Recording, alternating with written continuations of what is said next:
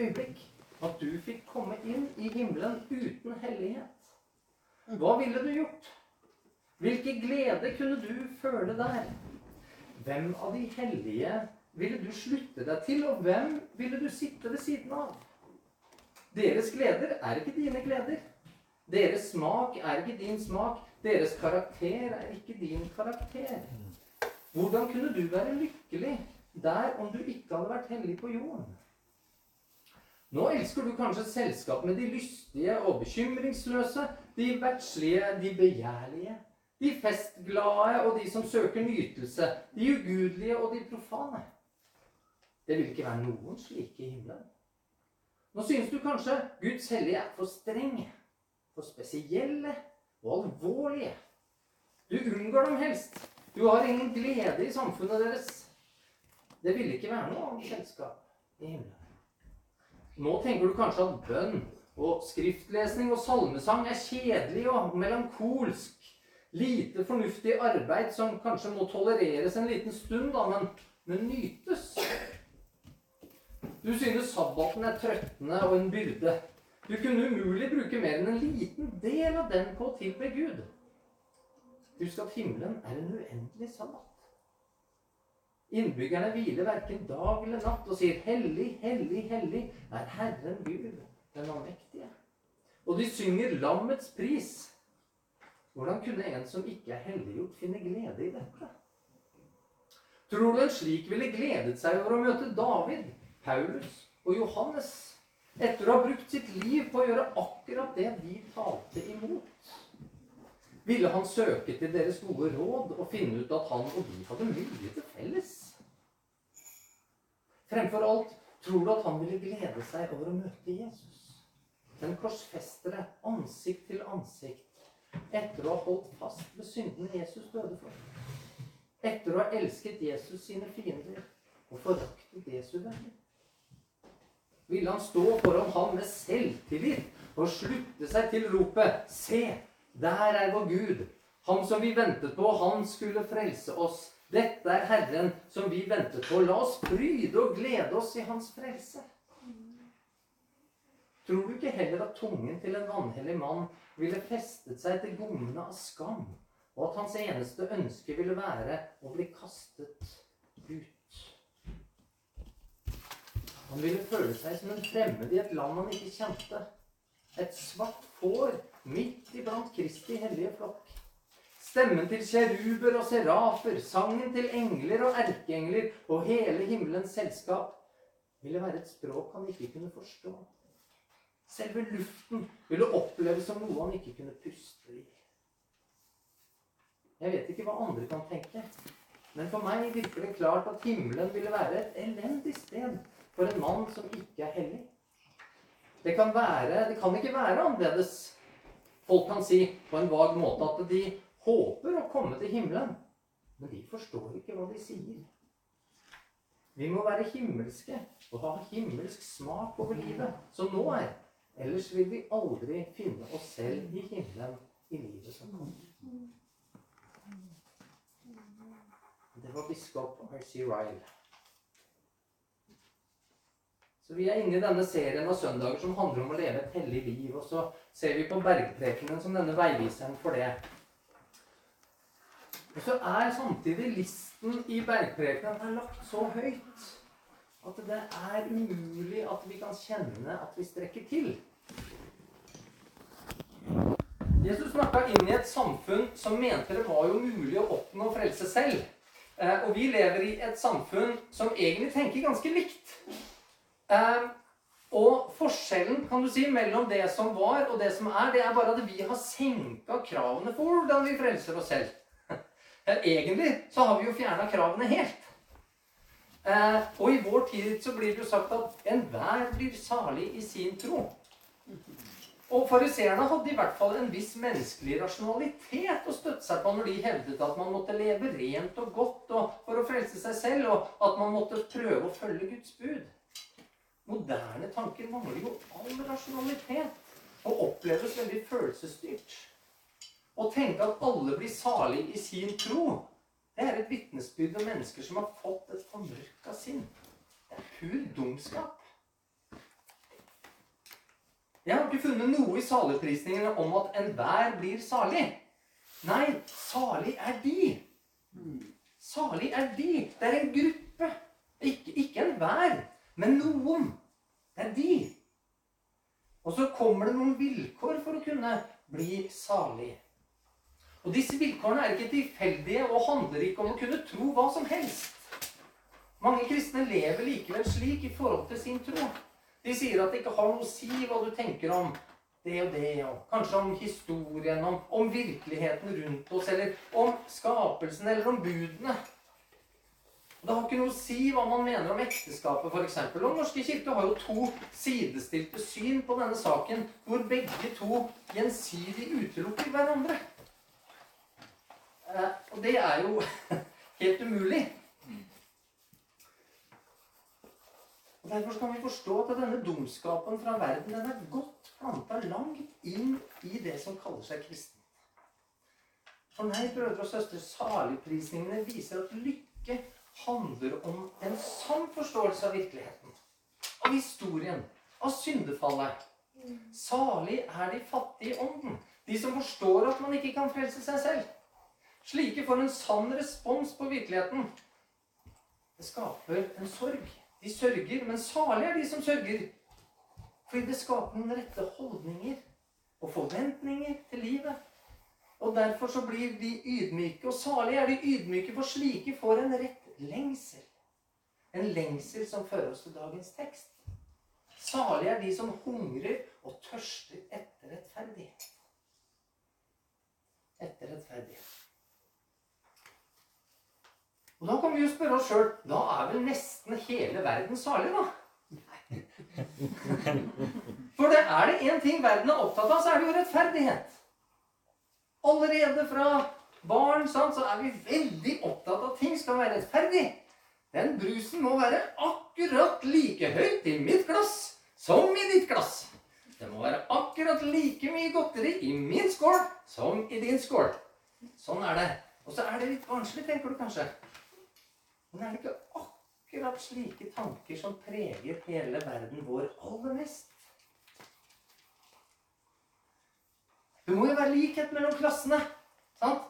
Kampen mot klasseskillet definerte f.eks. kommunismen. Og den definerer også den form for kommunisme som nå styrer faktisk i den vestlige verden. Vi har hatt et helt foredrag om, om Hegel og tese og antitese, og hvordan syntesen nå har kommet. Hvor vi har kjørt en syntese av fascisme og kommunisme og kapitalisme alt i ett. Og så lever vi i en veldig merkelig greie her, men det skal vi ikke i dag. Men disse tankene styrer vår vestlige verden. Det må være like muligheter. Likhet mellom kjønn, likhet mellom mennesker med ulik hudfarge, likhet for å utfolde sin seksualitet, likhet for opplevde følelser, likeverd mellom dyr og mennesker, likhet materielt, og likhet, likeverd og likebehandling mellom motstridende trossystemer. Så sier jeg ikke at det fins noen gode ting inni, inni disse tankene, men det er måten dette blir arbeidet med og kjempa for. Du har altså sosialisme, feminisme, LHBTQ, BLM, Antifa, dyrevernere, globalisme. Det er bevegelser som preger alt i vår tid. Eh, og som er opptatt av én ting. De er opptatt av én ting. Godkjennelse for den de er, hva de føler, hva de gjør, hva de står for, og hva de kjemper for. Og det må bli likhet, for da blir det rettferdighet. Og det er et voldsomt behov. Det skjønner vi som svært mange, mange hungrer og tørster etter. Noe man er villig til å ofre seg selv for. Ja, han er villig til å ofre andre òg. Ganske mange andre, hvis du ser historisk på det. Ja, ofre sannhet for. Han er villig til å ofre sannhet for dette. Og ofte så bunner alt dette i rettigheter til å få noe og til å nyte noe. Det er selvsentrert på mange måter. Så var det noen som tenkte litt barnslig her i stad. Eller har de rett som hevder at nei, egentlig så handler alt bare om misunnelse?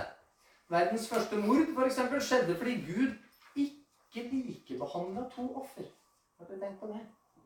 Gud foretrakk det ene og ikke det andre. Det førte til misunnelse.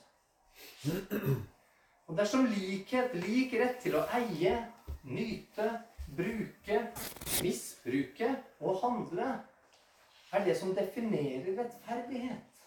Hva sier det om Bibelens Gud? Hva sier det om en Gud som tillater at det er så mye ulikhet i verden? Som tillater at det finnes store kløfter mellom de som er født med f.eks. høy intelligens, og de som ikke har fått det. Eller de som er født med et voldsomt vakkert utseende, og de som ikke har det. Mellom de som er friske, og de som kjemper med sykdom. Mellom de som er født på steder med stor fattigdom, og de som er født på rike steder på jorda. En Gud som sier at et menneske må høste det det sår. At den som ikke vil arbeide, ikke skal spise. At fedres misgjerning negativt påvirker barn i tredje og fjerde ledd. Forskjeller som også strekker seg tilbake igjen til før syndefallet. I og med at han skapte jo mann og kvinne forskjellig. Forskjellige kropper, forskjellig styrke, forskjellig høyde, forskjellige oppgaver. Og hva sier det om Jesus? Som helbreder noen, men ikke alle. Det var syke i Israel etter at Jesus hadde vandra der òg. Det var til og med noen plasser han ikke klarte å gjøre det store undergjerninger, står det. Fordi de hadde så liten tro. Som er nådig mot noen og verbalt hudfletter andre. Som i en av sine lignelser gjør Gud til en arbeidsgiver som gir lik lønn for helt ulikt arbeid. En som bare kaller menn til disipler. Og som bare sender ut menn som apostler. Som åpenbarer at det kun er en liten gruppe menn som kan inneha noen posisjoner i hans kirke. Det er jo urettferdig for de fleste menn og for alle kvinner. Jesus som aller minst taler mest av alle som aller, aller mest egentlig taler mest av alle i Bibelen om at livets utgang ikke blir på likhet men tvert imot forkynner at den ulikhet som kommer, vil bli mye større enn den ulikhet vi i dag ser på jorda. En ulikhet som er som dag og natt. Liv og død. Et innenfor og et utafor. Kan noen forvente at en verden som hungrer og tørster etter likhet, og som kaller det rettferdighet, vil ha noe med Bibelens Gud å gjøre?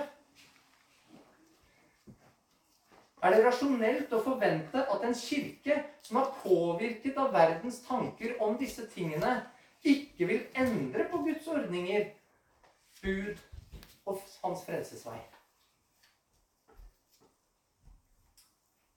Verden hungrer jo og tørster etter rettferdighet. Det er helt åpenbart. Og samtidig er det helt tydelig at det ikke er salighet som preger vår verden. Mennesker er ikke lykkelige. Det er jo derfor de kjemper så hardt. Sant? På så mange områder så kjemper man. Man kjemper for å få. For å få rett. For å få anerkjennelse osv. osv. Du kan egentlig definere hele verden med ett ord, og det er kamp. Hele virkeligheten kan defineres som kamp. Jeg har et egen greie om det, men det får vi ta en annen gang. Og Derfor så blir det umulig for verden å vende det andre kinn til. Det er umulig å forstå at en slave skulle vende tilbake igjen til sin herre, sånn som Paulus skriver om. Og det at en kvinne skal underordne seg sin egen mann, det blir helt fjernt for verden.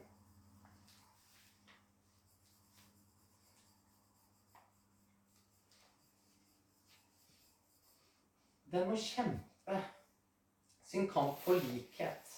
Verden må altså kjempe sin kamp for likhet. Fordi det kommende håp om den verden som ligger der framme, er så fjern. Og det samme er sannheten om den gode begynnelsen. Og det faktum at, viktigst av alt, kampen er allerede vunnet. Og alle disse realitetene det påvirker derimot den troende til å være helt annerledes. Så forskjellig fra verden at den rett og slett blir fremmed. Den blir hellig og har sitt hjemland et annet sted. Det hjemlandet som R.C. Ryle beskriver som helt umulig for den som ikke er hellig å kunne trives i. Salig er de som hungrer og tørster. Og det første jeg la merke til i forberedelsene mine, det er at de som hungrer og tørster, ikke gjør det etter rettferdighet. Etter likhet. Det tenker du kanskje det er jo litt rart, er det ikke det det står? Nei, De hungrer og tørster etter rettferdigheten. Bestemt form entall. Dersom den rettferdigheten kristne søker, ikke er den rettferdighet som verden kjemper for, hva er det da? Når Jesus han forkynte at himlenes rike var kommet nær Han sier at 'mitt rike ikke er av denne verden'. Så vi snakker altså om et åndelig rike. Og hva skjer dersom hunger og tørst ikke blir slukket? Hva skjer? Mangelen på mat det fører til fysisk død. Du dør. All jordens hungerkatastrofer det vil likevel blekne sammenligna med den katastrofe det er når åndelig hunger og tørst ikke får sin fylde eller blir metta. Det fører til en evig død. En borger av himlenes rike må ha rettferdigheten, slik som en borger av verden trenger mat og vann for ikke å dø. Det er et sterkt bilde. Og de som lytta til Jesus, forsto nok dette. Jeg tror ikke du og jeg helt makter det. Det er kanskje en liten mulighet her, en ørliten mulighet for at jeg tar feil. Men jeg er ganske sikker på at ingen her inne har hungra etter mat. Du har kanskje opplevd å være sulten, og kanskje til og med gjennom faste å være veldig sulten. Men hunger At kroppen din bare er skinn og bein, magen er oppsvulma Det har nok neppe skjedd. Vi har jo en 7-Eleven og Narvesen på hvert eneste gatehjørne. For Gud forby at jeg måtte vente en halvtime på å spise meg mett når jeg kom hjem. Jeg er jo sulten nå. Jeg må ha må tilfredsstillelse nå.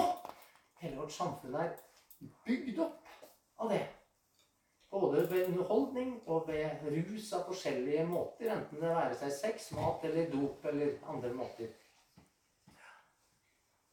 Jeg har aldri tørsta. Jeg har aldri opplevd at leppene blir blå og lilla og sprekker opp. At øynene er så tørre at hvert blunk er en lidelse.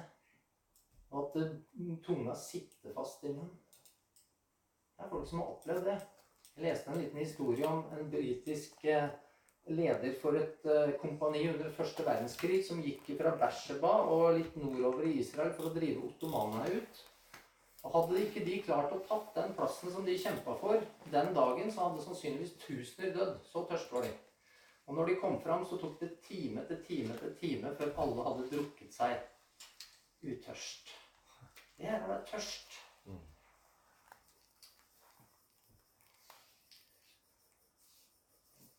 Jeg vet ikke hva jeg hadde vært villig til å gjøre for å tilfredsstille slike behov.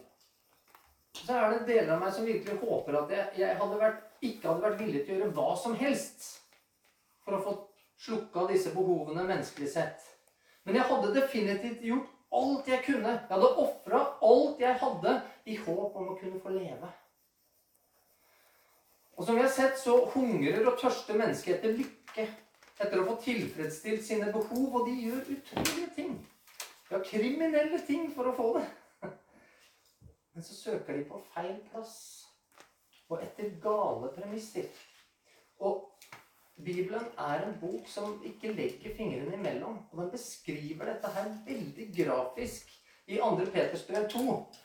Hvor ugudelige sammenlignes med en hund som spiser sitt eget spy, og en gris som velter seg i søle. Har du tenkt på at mange av de tankebygningene som vi omgir oss med, og den nytelse som preger vår samtid, er som spy og søle?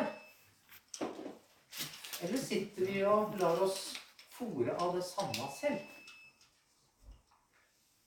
Peter han skriver jo om de som har kjent troens vei, men som har gått bort og ikke lenger vandrer på rettferdighetens vei.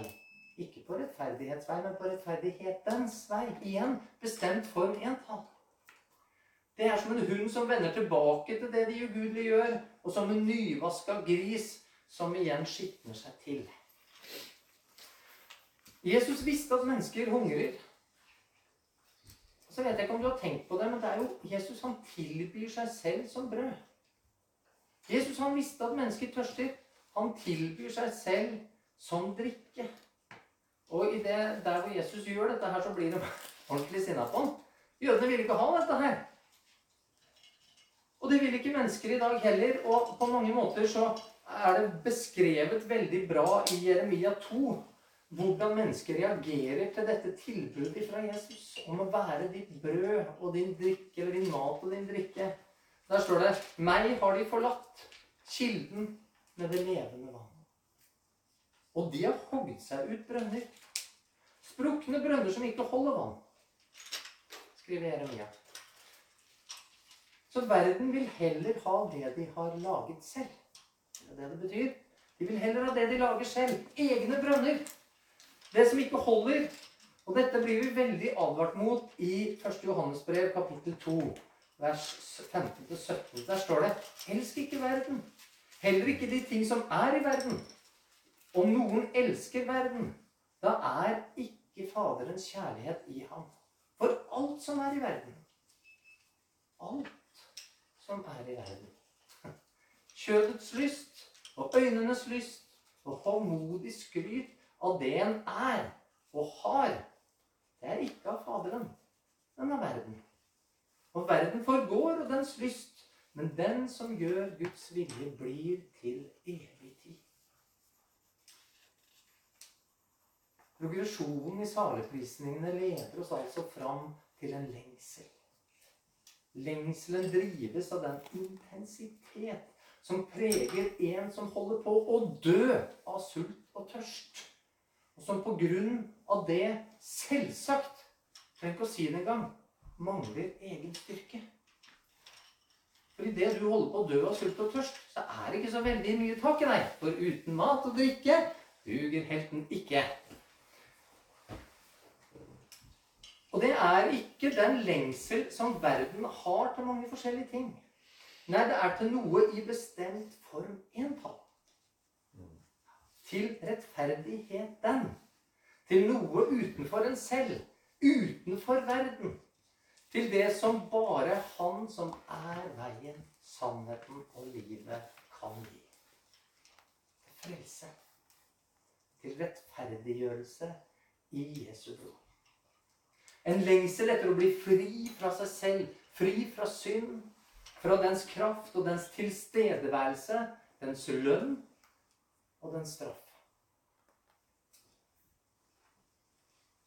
Den som er død fra seg selv, den er fattig i ånden, som sørger over synd, som ydmyker seg under Guds veldige hånd, begynner altså å hungre og tørste etter frelse.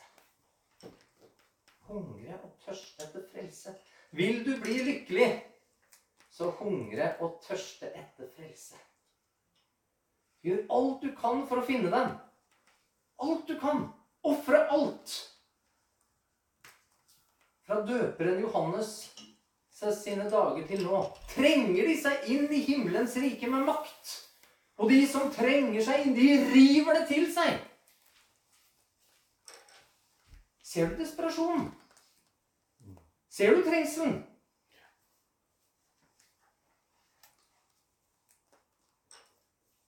Jeg sa at jeg tror ikke vi klarer å forstå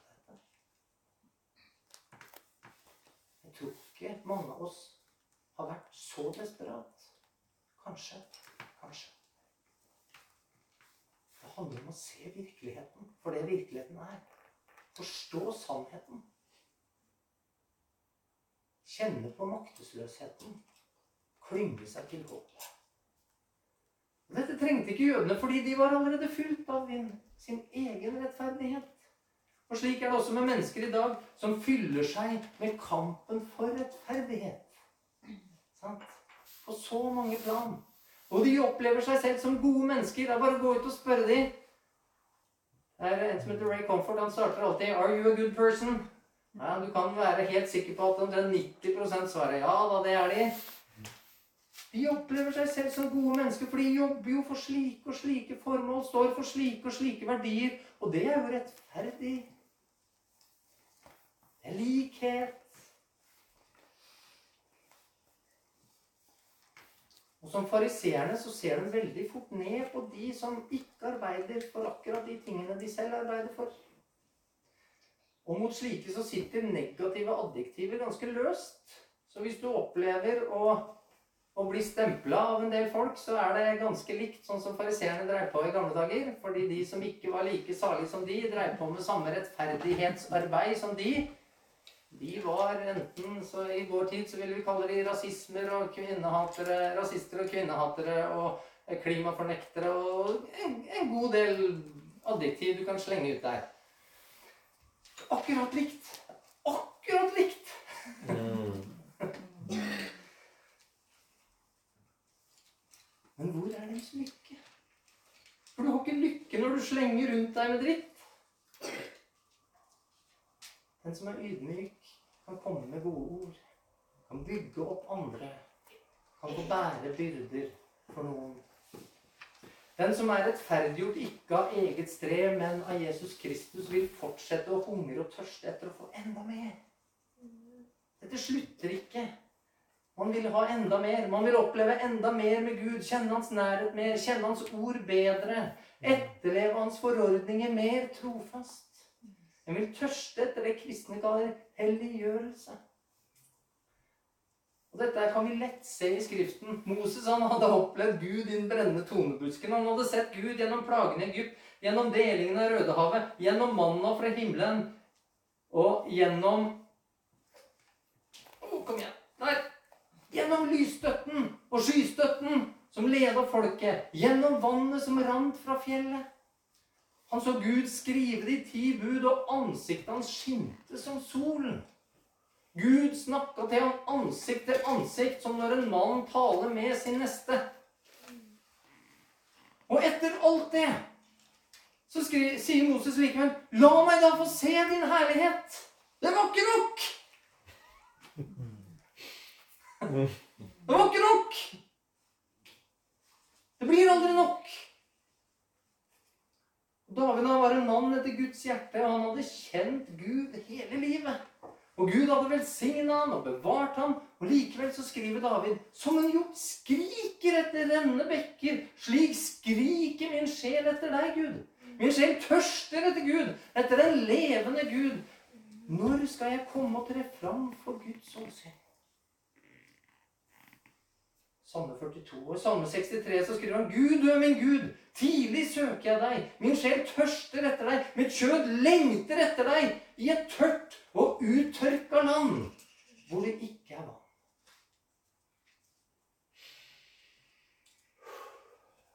På tross av en nærhet til Gud som mange sikkert skulle ønske at de hadde hatt opplevd selv, så var altså David ikke mett.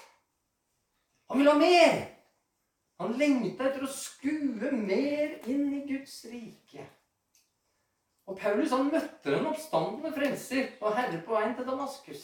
Han fikk direkte åpenbaring og ble tatt opp til den tredje himmel. Han fikk se underfulle ting som var så store at han kunne ikke beskrive det.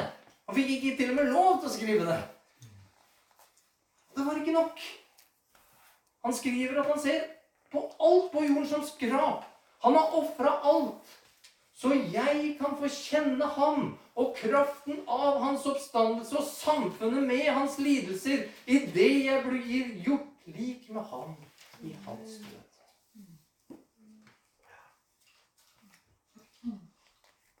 Alle disse hadde smakt salighetens gode frukt. Lykken som bare finnes hos den som har et sønderknust hjerte.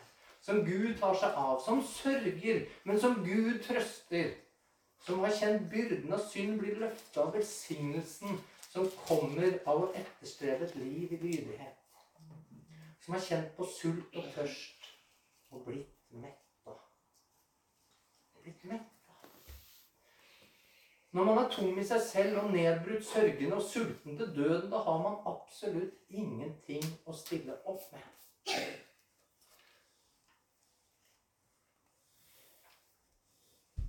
Da får denne her ikke helt med meg, men sånn at jeg kommer.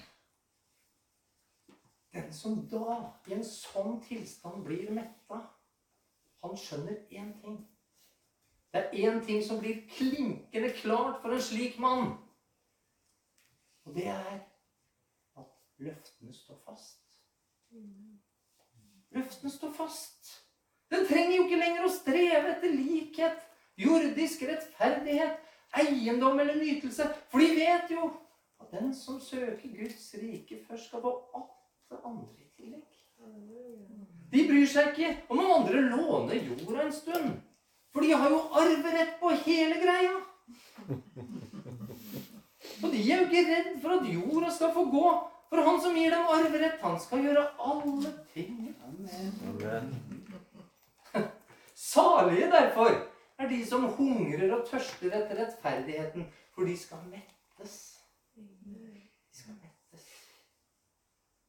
Og du som slik lengter etter rettferdigheten, bestemt for entall, blir salig, vil oppleve en enda større, ja, uendelig lykke når du, i motsetning til den som ikke er hellig, får møte din frelser. Se Jesus ansikt til ansikt og høre at han kaller deg ved navn. Du er min. Velkommen hjem. Kjære Herre, vi takker deg for ordet ditt. Vi takker deg for dette håpet. Vi takker deg for at du ser til den som er sønderknust og nedbrutt. Til den som er døden nær av sult og tørst. Og så lover du å trøste og reise opp og mette. Og så har du gitt oss dette salige håpet, Herre. Vi takker deg, Far, for den du er, og for dine fantastiske løfter. For dette fantastiske ordet du har gitt oss, som er så fullt av levende vann. Brød som vi kan få lov til å møtes, samles rundt og spise av og gledes ved, Herre. Og få lov til å gledes også i fellesskapet med hverandre. Takk, Herre, for alt det du har gitt oss. Vi ber deg, Herre, om at livet vårt kunne få lov til å være preget av virkeligheten.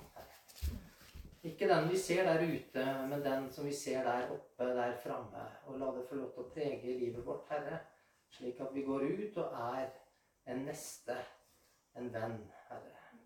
Amen. Men Vi skal synge sammen en sang som egentlig er en